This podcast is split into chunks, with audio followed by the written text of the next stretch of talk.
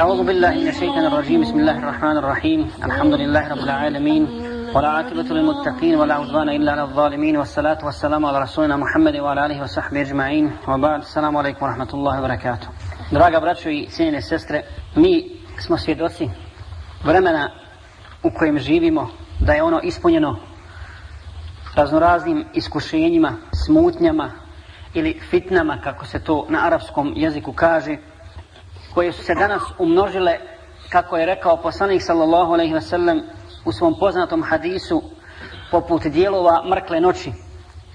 Pa kaže poslanik sallallahu alaihi ve sellem, badirul amali fitana, požurite sa dobrim dijelima prije nego što dođu fitne, odnosno iskušenja, ke kipa i lejin mudlim, poput dijelova mrkle noći. Yusbihu rajulu mu'minan wa yumsi kafira tada će čovjek osvanjivati kao vjernik, a omrknut će kao nevjernik. Va jumsi mu'mina, va jusbihu kafira. Ili će omrknuti kao vjernik, a osvanuti kao nevjernik. Je bi'u dinahu bi'aradi minad dunija.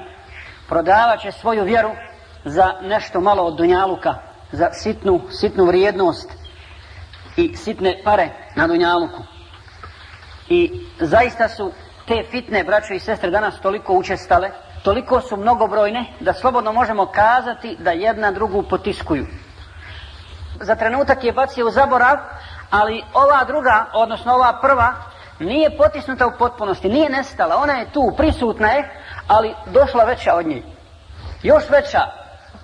Ovo prvo iskušenje je veliko, ali došlo još veće pa malo potisnulo ovo u zaborav.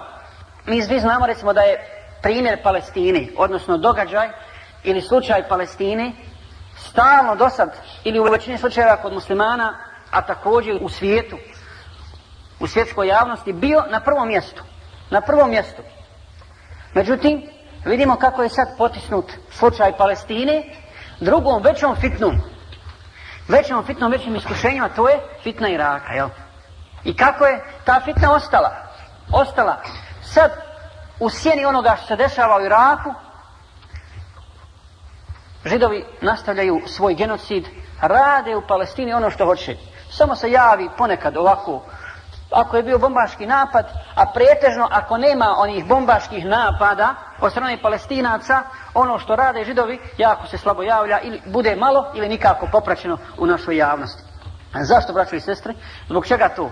Upravo zbog toga što smo mi kao muslimani, odnosno kao ummet, pristali već davno da budemo ona lopta krpenjača u rukama nevjernika s kojom se oni igraju kako god hoće. I zato što smo mi takvi kakvi jesmo, nevjerni samo mogu da rade što god hoće. A mi ćemo opet njih kriviti, jel da?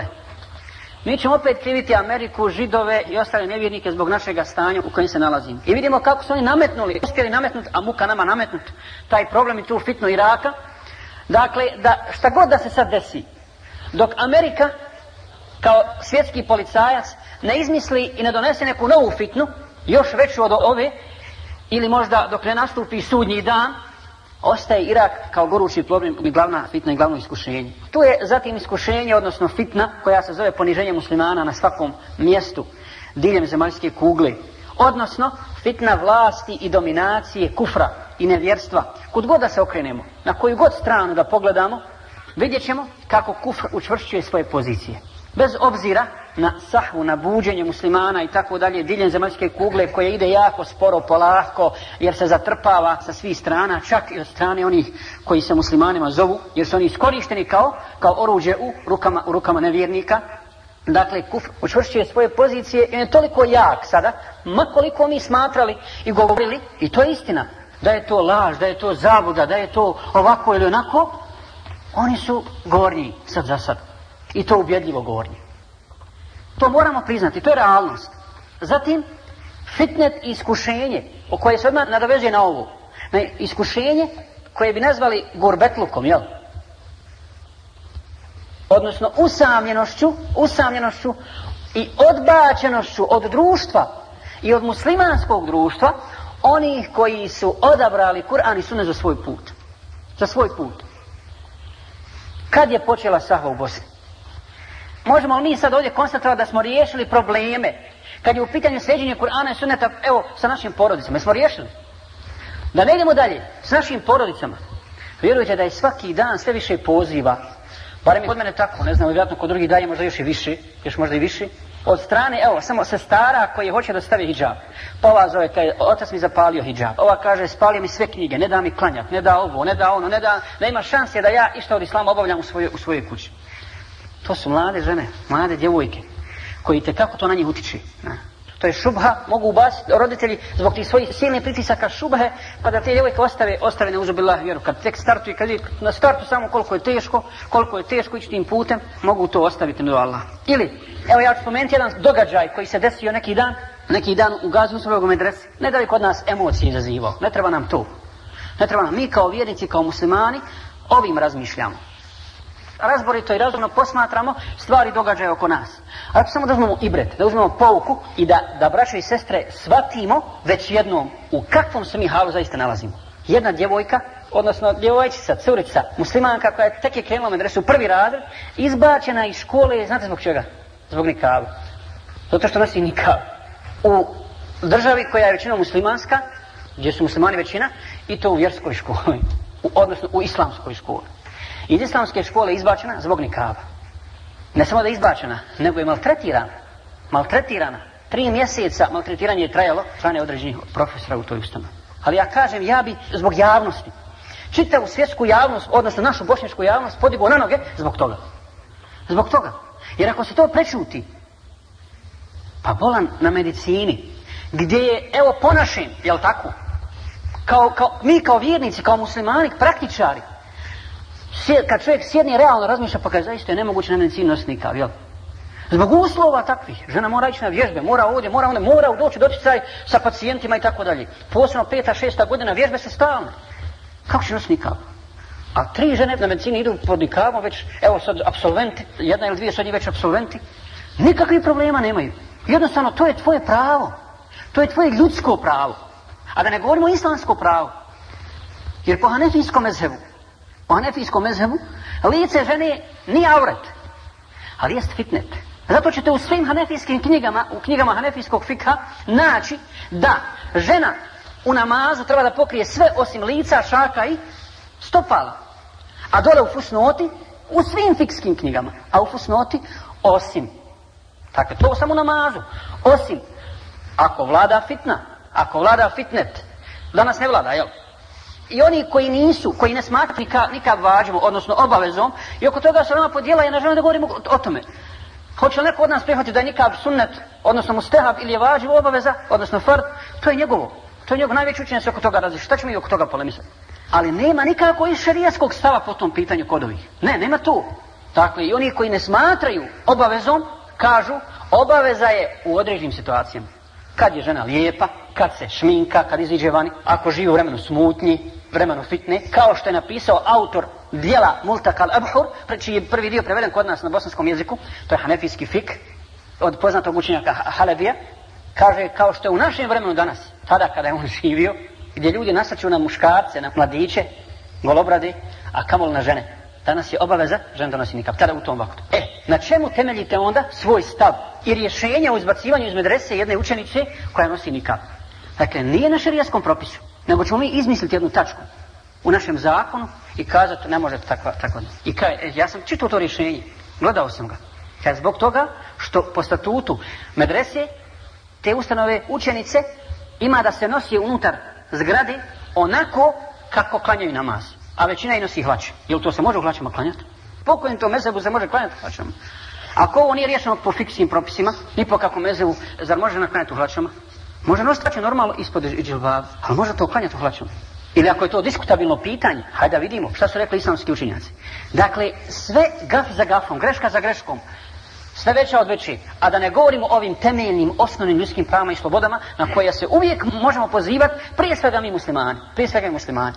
Dakle, danas musliman želi vidjeti svoju čerku u diskoteci, on je gura, da ide tamo, da se sprovede dok je mlada, da ide tamo, voli je biti kao glumicu, kao pjevačicu, kao neku istaknutu, eksponiranu ličnost. Ličnost, samo ne voli je vidjet kreposnu, čednu, čestitu, poštenu i tako dalje.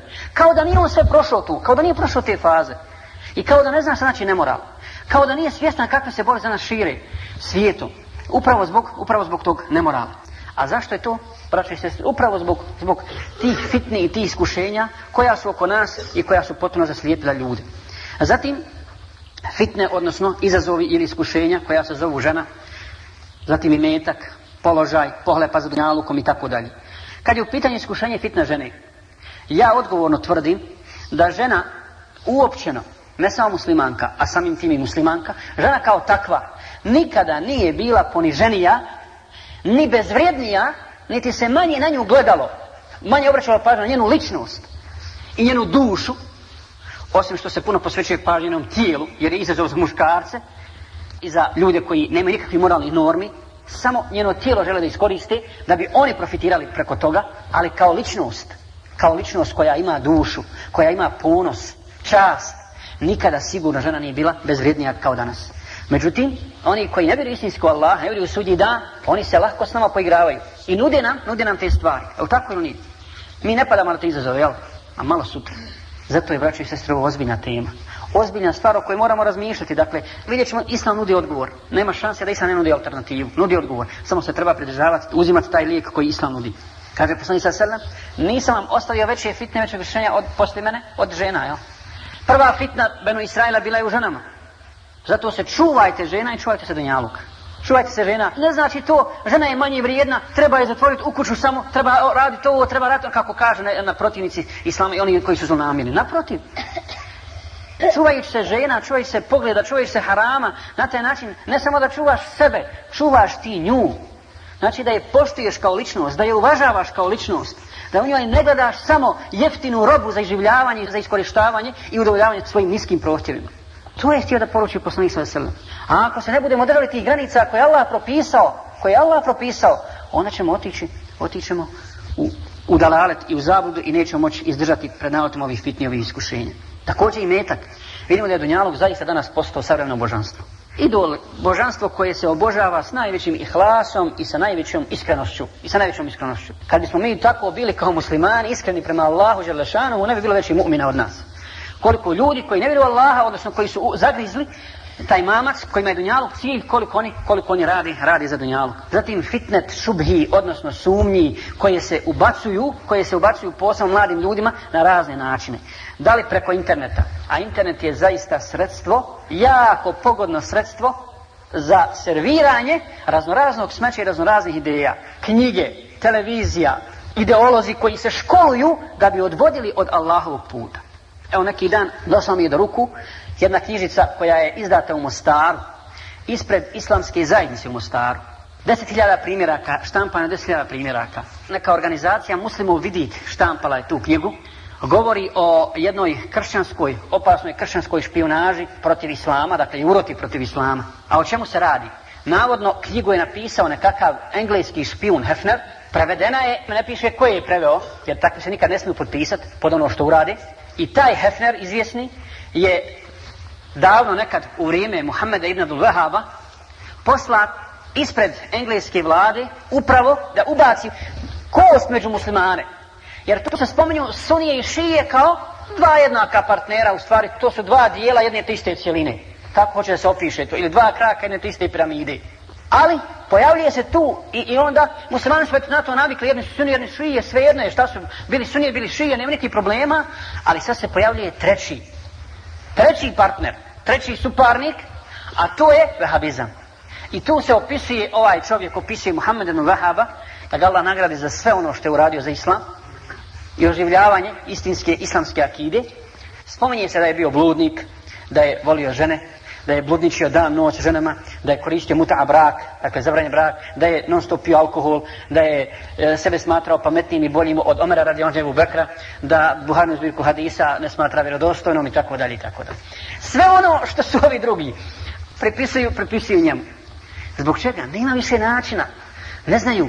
A uzmite, ko je napisao djelo raskoli u islamu? Je li napisao musliman ili je neki orientalista? Napisao, ne mogu sad sjetiti imena. Uzmite tu knjigu, Raskoli u islamu. Jedan orientalista kada napisao je tu knjigu, uzmite slobodno pa pročitajte šta on kaže za tog čovjeka. Kako se opisuje pokret Muhammeda ibn Wahhab. Uzmite klasičnu kulturu islama od Nerkeza Smajlagića. Uzmite tumačenje tri temelja od doktora Ahmeda Smajlagića, rahmetullahi alaihi. I uzmite e, islamsku filozofiju od onog šarifa Vatom.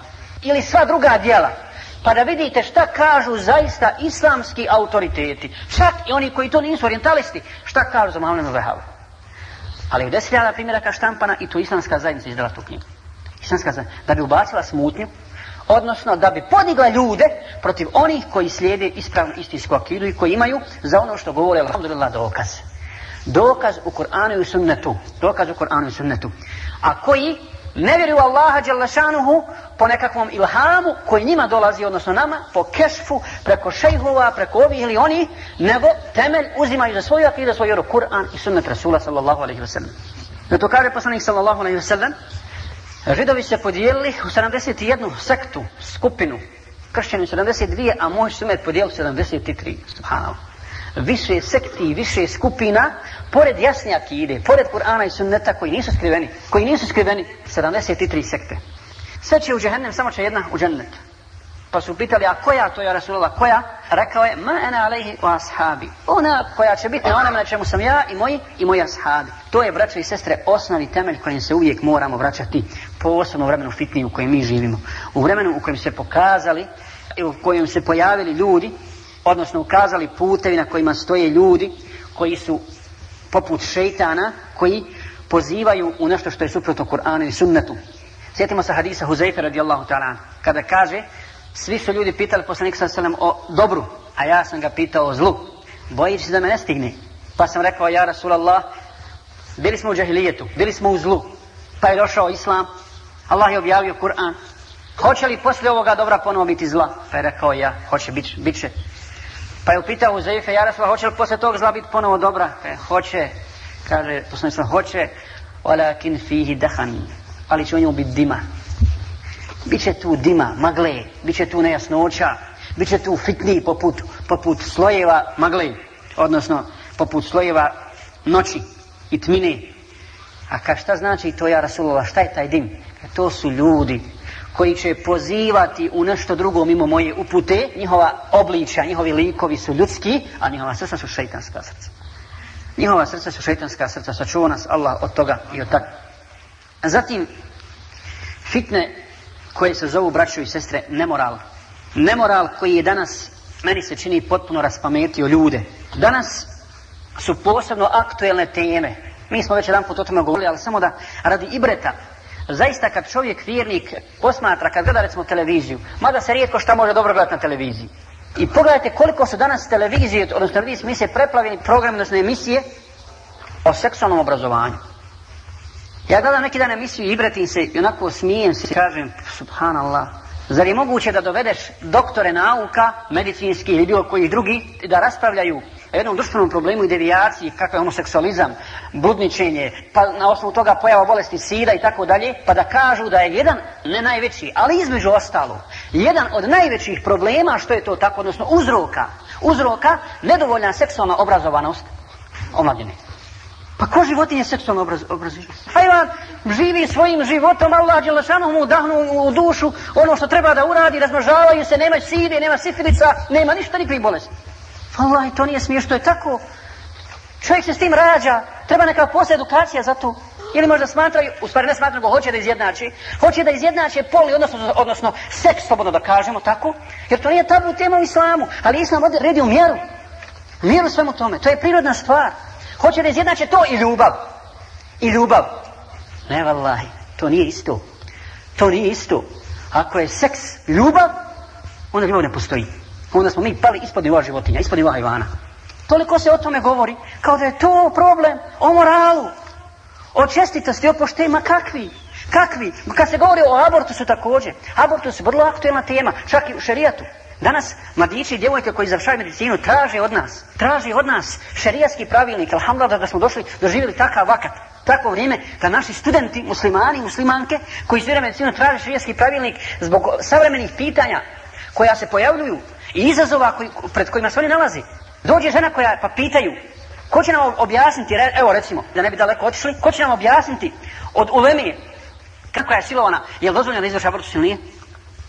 Pa kad se otkriju još u ranoj fazi, još u ranoj fazi kod ploda, čak možda u trećoj, četvrtoj, sedmoj, dakle na osnovu uzimanja onaj sjemena, odnosno oplođene jajne ćelije, otkriju se neke anomalije s kojima će sigurno, kako zove onaj slučaj, mongoloid, jel?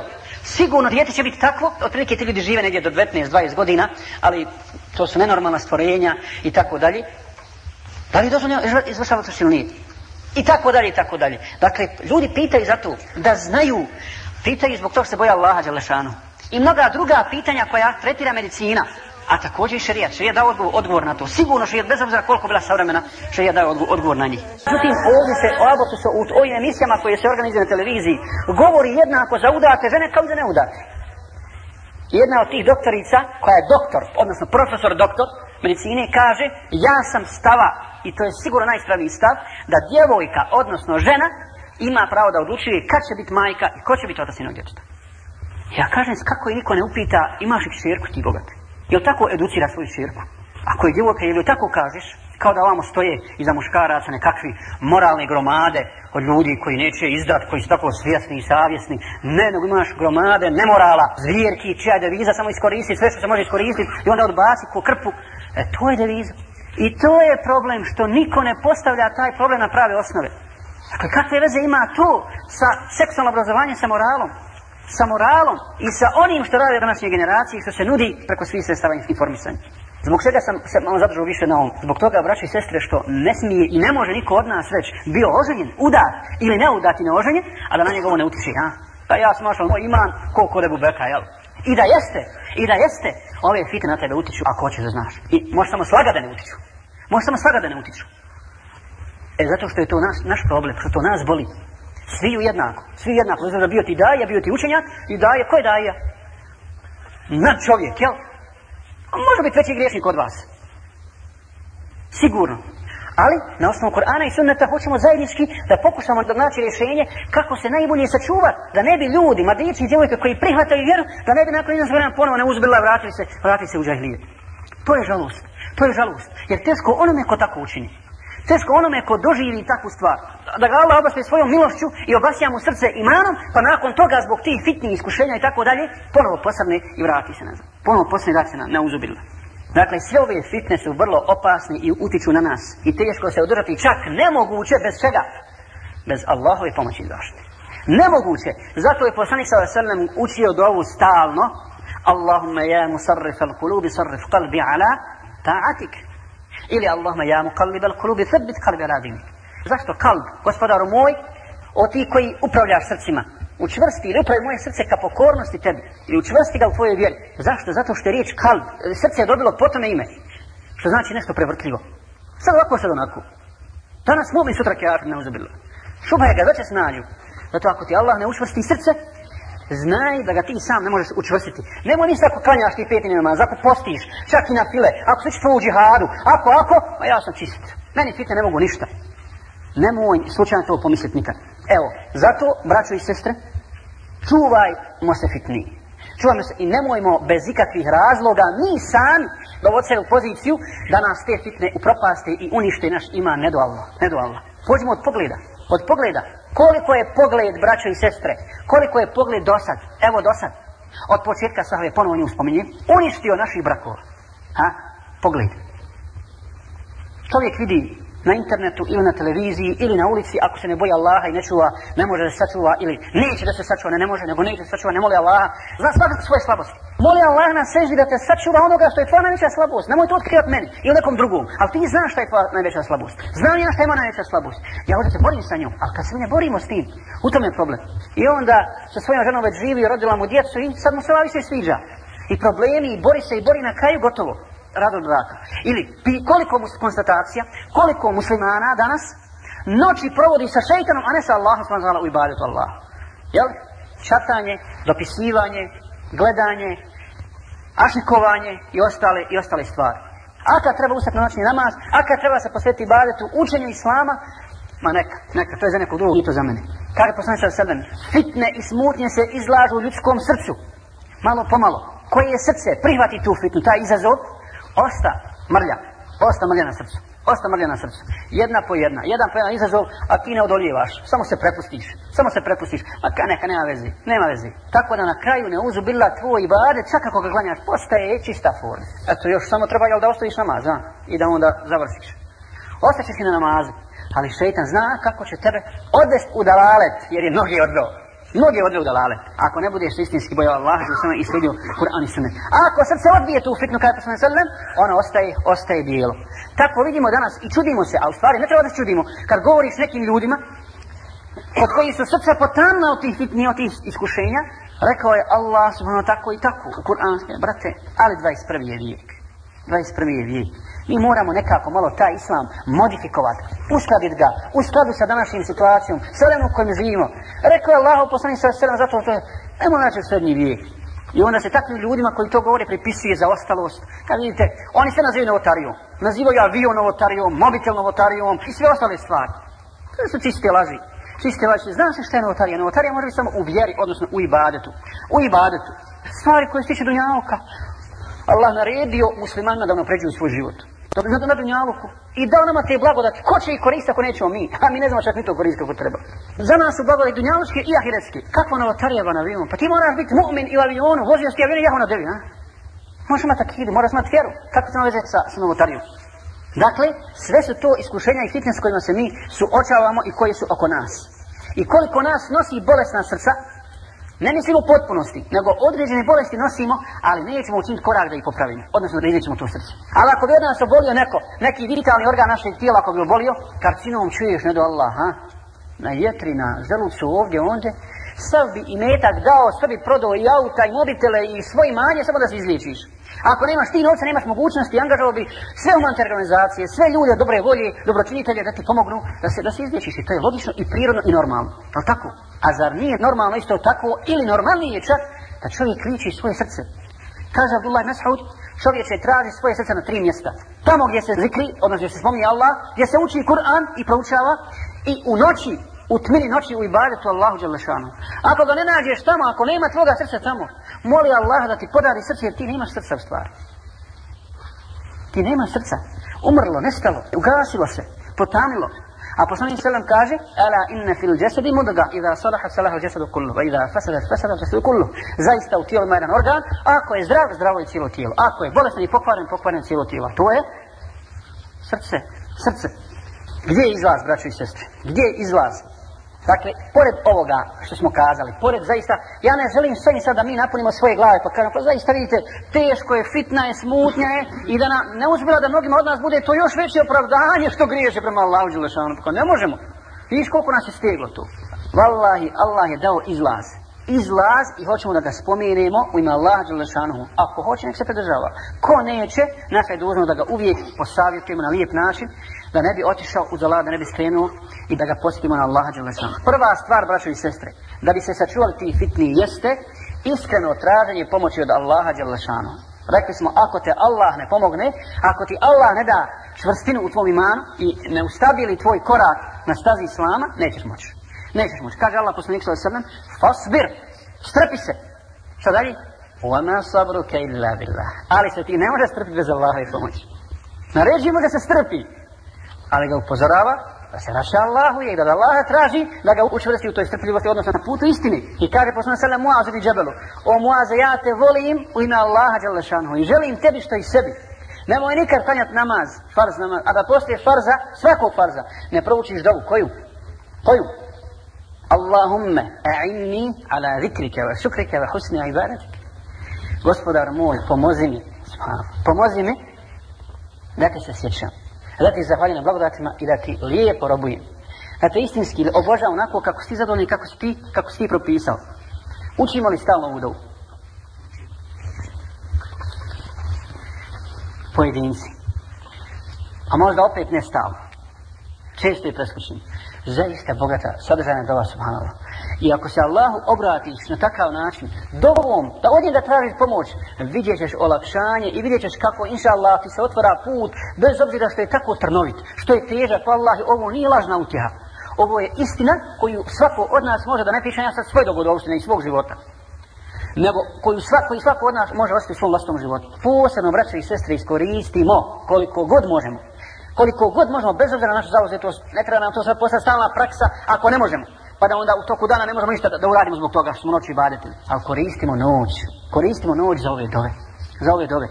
Na seđdi otvori svoje srce Allahu Đelešanuhu, plaći, zaplaći na seđdi, vidjet ćeš ako Bog da posle toga, kako je tvoje srce jako čisto, čvrsto i kako ti Allah nam pomaže i odaziva se na tvoj dovu i sigurno te Allah neće ostaviti na sjednu.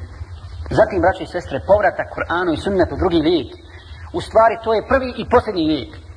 Samo kad bi njega koristili, dovoljno bi bilo. Povratak Kur'anu i sunnetu, ali ne mislim vraćanje Kur'anu i sunnetu, štampanje knjiga koje govore Kur'anu i sunnetu, slaganje diploma, indeksa, vraćanje Kur'anu i sunneta tu, na ta mjesta. Ne! Vraćanje Kur'ana i sunneta u naše živote. U naše živote, ali kompletno sunneta poslanika sa sele. Ne samo jedan dio, nego Kur'an i sunneta koga je primio. Poslanik sa sele na svoj život, ko, ko čita, ko otvorenu knjigu. Da uzmemo sve od njega, jer je on bio uzor, uzor za nas, sallallahu alaihi wasallam. Jer Kur'an nije objavljen, mi stalno ponavljamo u krilaticu našu, jel? Kur'an nije objavljen mrtvima nego živima. Svaki dan se Kur'an sve više, više uči mrtvima. Sve više se više posveće mrtvima. Ja nisam slušao svoga babu dok je bio živ i sad ono hanje da mu se nekako odužimo. Ovala, neće ja učiti Kur'an i posle toga, neće istinski obožavati Allaha ni posle njegove smrti, ali da mu se oduži. Veliku tarisu sam ga se sad mogu platiti, hođi sto maraka, nek prouči hatno. To je izigravanje s vjerom. Allah je objavio Kur'an, da na taj način očistimo svoje duše i da odgojimo sebe i generacije koje dolaze poslije nas, ja ćemo zato biti pita na sudnjem danu. Treća stvar, braćo i sestre, jeste džemat. Kao lijek, vallahi, da bi se sačuvali fitnim iskušenja, džemat je lađa spasa. Lađa spasa. Neka niko od nas, ako neko ima, neka dođe pa da me demantuje s dokazom, da on može, da ima on dokaz, da pa može kazat, ja ću spas na onom brdu kad potop nastane jel ko nuhov sin, ha? Nema brda koje ćete spasiti, džemat, džemat koji se vidi Kur'an i sunnet, to je spas, to je spas. Zato kaže Abdullah Mesaud, ono što mrzite u džematu, bolje vam je nego ono što volite u samoći. Ma, ima grešaka, spotica, kogod radi greši, mora grešiti. Ali kad ti osjetiš i vidiš da ima neko ko se zaista brine za Allahu vjeru, on je čovjek, čovjek je. Sami, grešili, grešili, diskutovali i štihad vršili, ko, oko toga ko će biti halifa, koji smo se za ovom, za ovom, mi ćemo se oko toga, nema problema. Možemo, ako, ako treba, i podinuti glas u džematu, pa kazati, ne, ja imam dokaza da ovaj bolji i tako dalje, ali ne, budimo u džematu, budimo u džematu, nemo se razilaziti. Ne samo namaz, braćo, a namaz svakako, namaz u džematu obavezno, ako je posao, ako je mesi tu blizu i tako dalje, namaz u džematu, jer kaže, kaže sam skučenjaci, čak čovjek, ako ti misli lutaj kad dođeš na namazu, Nisam se spožen sa Tebi je nagrada sa džematom. Tebi je nagrada sa džematom. A da ne govorim o drugim vrijednostima džemata. Zatim dava, organiziranje, rad na, na polju širenja davi i tako dalje. Međusobno pomaganja. Kako ćemo se upoznati? Kako ćemo upoznati naše stanje i moralno i materijalno i svako drugo ako se ne okupljamo, ako nismo u džematu? Jel tako? I sad ne znam ko će gori u komšiluku, komšiluku zajedno, vi se, mi se viđamo, klanjamo, nije dovoljno samo čovjek se kaj vraća se po vidiš čovjeka, prihvaća dao, klanja po Kur'anu sunnetu. Ma jesi ga obišao da znaš ko je on, šta je? Nije samo to bitno. Da drže ruke u namazu. Bitnije je da se nana srca ujedine oko akide, a to će on kasnije prihvatiti. Prihvatiti inšalo. I da temelje, temelje dobro učvrstimo. A nema, nema učvrstima temelja bez žemata. Jednu ovcu ili odbjeglu ovcu od stada vuk će lahko pojesti. Da si najveći šejih, da si najveći učenjak, da si najpametniji, bez žemata ćeš biti upropašten i bit ćeš bačen zaborav. Zatim, braćo i sestre, ustrajnost u traženju islamskog znanja. Svakog korisnog znanja, ali islamskog prije svega. Jer sa istinskom akidom, ako poznaješ, nek pišu, nek izdaju, ne u deset milijardi knjižice, u deset milijardi primjeraka nek izdaju knjižice. Nek se najveći stručnjaci skupe i saberu da da piše takve knjige, zlato tiskom, ti imaš akidu, imaš akidu koju ne može poljuljati niko. Nek te baci među hinduse, među obožavaoce krava, teladi i ostali hajvana koji obožavaju na Dunjavuku. Zna šta je tvoja akida i kako ćeš ima prič i kako ćeš im objasniti akidu. Među kršćane, među kršćane. Meni se sviđa što je rekao jedan, jedan naš alim, drugom alimu pa sad prepucavaju međusobno u jednoj novini. Kaže, ovaj naš je isti papa. Samo papa kaj, kad se pojavljuje bilo gdje on promoviše islam, ovaj promoviše sve, promoviše kršćanstvo, ovaj promoviše sebe. U tome je razlika. U tome je razlika. Dakle, ja sa svojom akidom, gdje se god pojavim, subhanallah, ja hoću da izađem na televiziju da kažem o islamu. Ne samo o islamu, nek nije islamska tema, ali ja hoću prosto da onaj, spomenem neke stvari koje su vezane za islam, neke vrijednosti, jer islam nema alternativu, subhanallah. A ne dođeš na ne kažeš ništa. Ovaj, svojom pojavom odišuje kršćanstvom i kufrom. Krst do koljena, da ne govorimo dalje, da ne govorimo dalje. I oni znaju kako, kako će raditi, zato im njihovi ljudi vjeruju. Narod im njihov vjeruje jer ih vode onako kako treba. I čuvaju ih. I čuvaju. Čuvaju njihova prava. Čuvaju. Davno mi je, tako mi je Allaha, jedan čovjek prije, dakle prije onih prvih izbora, u jednom gradu, u jednom gradu, kaže, jedan Hrvat, ja kao nikad nisam išao u džamiju dok nije zdeja pobjedila. Tada sam prvi put otišao i to na Bajram. Prvi put ušao u džamiju. Ali prije toga, prije toga, meni se jedan Hrvat žali i kaže, a Hrvat je neka visoka čivija u tom gradu bio, u sudu Helenese, i kaže, je možeš misliti kaj da me je frata prozvao u crkvu pred svim ljudima. I ja kad dolazim na posao, neće moja obična sekretarca kaj sa mnom da govori. Komšiluk me izbjegava, svi izbjegavaju. Kaj što ne plaćam, no tamo imam crkvenu članarinu. I što ne idem u crkvu, na djegu. Gotovo, ja odbačen čovjek, nema. A, a, a, a on je pokušavao da, eto, bilo je malo, mada malo kod njih, ljudi koji su, koji su onaj, prijavljivali popove i fratre, ba pa su bili pozatvore, mada su popovi bili pozatvore, mi znamo komunizmu. Neki kažu što se kod njih, kod njih ne pojavljaju ova knjiga o špionažu, jel? Kako nema popova koji su spionirali za komunizam? Pa popovi su bili zatvor. Kako će biti? Oni su čuvali svoju ideju, svoj kuf i bili su osnovu narodu stalno i bili su u zatvor. Pa onda Fadar kaže, e, sad ćeš ti koga ti u zatvor. Doćeš ti meni ovdje. Bićeš odbačen čitavog naroda. I kao iduće nedelje ja sam morao pokupiti sa svojom ženom i u crpu. ja sam kao teista, vidim ja teista, ne vidim u to, ali moram ići u crpu. Moram. Dakle, oni se brinu i čuvaju, čuvaju to.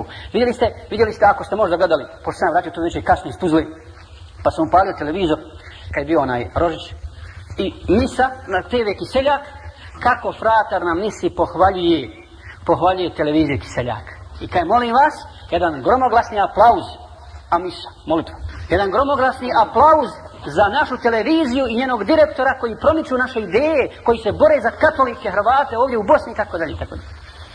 Kod nas samo nek, samo nek te ne mogu prepoznati. Ni po izgledu, ni po ideji, ni po čemu, ni po čemu. Pa što se da čudiš što ne hoće svoje? Oni se bori za svoje. Čak u Republike Srpskoj imaš futbalski klub, oni se ne stidi toga, eh, oni se ponose što je to tako, Crni Đorđe. Futbalski klub Crni Đorđe. A kod nas od futbalskog kluba Sarajeva da je napravljen kakav internacionalni klub, samo da se ne zna, nemoj to bošnjačko, čak ni bošnjačko, a da ne govorim muslimansko. Da govorim muslimansko. Pa nećete da ne oni poštivati, bo. Oni, pa šta očekuješ od njih, bo? Pa smiju ti se, smiju ti se. Ovi Hrvati, šta si ti? Ja vala, pa hoću da budem te nas... Pa ti nisi vam ništa. Bolje je biti nešto nego ništa. Ti nisi ništa, a očekuješ pomoć i podršku i poštovanje. Ne možeš ga očekivati. Dakle, moramo učiti istinsku akidu, vjeru, kako bi znali, znali se snaći u svakoj situaciji. Zatim, braći i sestre, zikr, spominjanje veličanja Allaha u svakoj situaciji. Vidimo kako su velika iskušenja teške fitne. Međutim, s druge strane vidimo kako je lahko zrati džennet lahko za ispasti se uz Allahovu pomoć i podršku. Jer Allah je otvorio nama vrata dobra, mnogog dobra, da zaradimo uz malo truda veliku nagradu. Wallahi veliku nagradu. Na kraju kreva šta nam drugo preostaje? Allah je lesenuhu nama muslimanima ponudio, u stvari, omogućio da prodamo svoje živote za džennet. Kako da prodamo? Mušterija ko je? Ko je kupac? Allah. On vlasnik naših života ali iz milosti prema nama, iz milosti omogućena da to, da to uradimo, da zaradimo džennet. I pogledajte u, u hadisu, koliko Allah nagrađuje dobra djela, u hadisu od Sejda ibn Sejjeba, od Abdurrahmana ibn Semure, kaže, Abdurrahman ibn Semure, sjedili smo jednoga dana u Medini, u hladovini, u jednog palmovika, kad je došao poslanik sa među nas i kaže, o ljudi, vidio sam sinoć, velika čuda, vidio sam krupne stvari, ili čudne stvari, Vidio sam čovjeka iz moga ummeta, čovjeka iz moga umeta koji je bio izložen kaburskom azabu ili trebao da bude izložen kaburskom azabu pa dođe njegov abdes i spasi ga kaburskog azabu. A znaš abdes? Onaj stalni abdest, jel? Ne samo za namaz. Kad bi se na sebe ne čuva abdest, to si mu'min. Kad god izgubi abdest, dakle kad ostane bez abdesta, uzme, ako je moguće se normalno. Jer to nije obavezno. Ali, da si stalno pod abdestom, to je al vodu silah al mu'min. To je abdest, je oružje vjernika. Oružje vjernika. Zatim, Kaže, vidio sam čovjeka iz moga ummeta, kojeg su opkoli šeitani, napali ga šeitani sa svih strana. Pa dovolj njegov zikr. I otjera šeitan. Čak usnu, subhanallah. Vjerojatno se dešavalo to da vas svaki šeitan iz njih napadaju usnu, jel da? Ako si legao sa zikrom, napadne te, pritisne, ne da ti hoće da te zastraši, ali Allah tebi da čak usnu, nisi svjestan, subhanallah otvori ti tvoja usta i dati mogućnost da učiš audu billahi nešto jedan rađe, ili učiš kurzu falak, ili ajeti kursi i tako dalje. Nešto od onih ajeta koji najviše smetaju šeitanu koji, koji tjeraju. A kamal, kamal na jag. Dakle, dođe zik i otjeraju. Vidio sam šeita iz moga umeta, kako sam sallam, koji ga su bili uzeli meleki kazni. Meleki kazni da ga povedu u džehennem, da ga kazni. Pa kaj, pa dođe njegov namaz i uzije ga od njih i odvede u džennet spasi ga. Vidio sam čovjeka od moga umeta koji je skapavao od žeđi. Kad god priđe haudu, kad god priđe izvoru, bila otjera. Pa dođe na njegov post ramazanski i napoji ga na haudu, napoji ga na haudu. Zatim vidio sam čovjeka iz moga umeta koji je bio sa utmini. Iz prijeda, iz straga, iz desna i svijeva sa utmini, bio je očajan. Očajan. Pa dođe njegov primjeni hađ i umra i zašto ga iz te tmine na svjetlo. Vidio sam kada čovjeka iz moga umeta koji je licem bio vođen prema vatre. Na licu, ne na nogama. Kaj je pa dođe njegova sadaka sadaka koji podijeluje na Allah Đelešanohu i ispriječi se između njega i vatre. I spasi ga, spasi ga od, od vatre. Vidio sam kada čovjeka od moga ummeta, koji je pokušavao da uspostavlja sa muslimanima ostalim, da razgovara s njima, da, svi se okratali od njega. Pa dođe te njegova rodbinska veza i kaže, o muslimani, ovaj čovjek je čuvao rodbinsku vezu na Dunjavuku, zašto ne pričate sa njim? Pa su mu se svi okrenuli i počeli se rukuju sa njim i da, i da sa njim razgovaraju. Vidio sam čovjeka iz moga ometa koji kleći na koljenima između njega i Allaha zastor. Mi znamo da će najveća nagrada za vjernike, molim Allah da nas počasti time biti, granje u Allahu u lice. Kaže, pa dođe njegov lijek ahlak i skinu taj zastor između njega i Allaha subhanahu wa ta'ala. Vidio sam kada je čovjeka iz moga ummeta Vidio sam čovjeka iz moga umeta koji je bio poveden u vatru. Poveden je bio u džehennem, pa dođeše njegove suze koje je plivo iz straha od Allaha Želešanohu i spasio. I vidio sam čovjeka iz moga umeta koji je bio došao do džennetske kapije, pa mu bi zaključan. I dođe njegov šehadet. A znamo šta je? Ključ od dženneta, jel? La ilaha illallah Muhammad Rasulullah. I otključaše se vrata i on uđe, uđe u džennet. Kaže Ibn Qajim, Al-đavzi, Ibn Taymi je bio dušanjom hadisom, često ga je puta spominjao na svojim, na svojim predavanjima to bilo to što sam ja za večeras pripremio. Molim Allaha Đelešanu da nas učvrsti na istini, da nas okupio oko Kur'ana i Sunnata, da nas okupio oko jedne riječi, riječi Tevhira, da ubrza pobedu svoje istine, da nas učini od onih koji će biti sebe upute drugih, drugih ljudi, da, nas, da nam Allah oprosti grije, da nas vodi u džennet. Amin.